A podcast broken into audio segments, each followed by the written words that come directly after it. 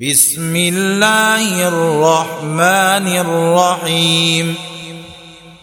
أرأيت الذي يكذب بالدين فذلك الذي يدع اليتيم ولا يحض على طعام المسكين. فويل للمصلين الذين هم عن صلاتهم ساهون الذين هم يراءون ويمنعون الماعون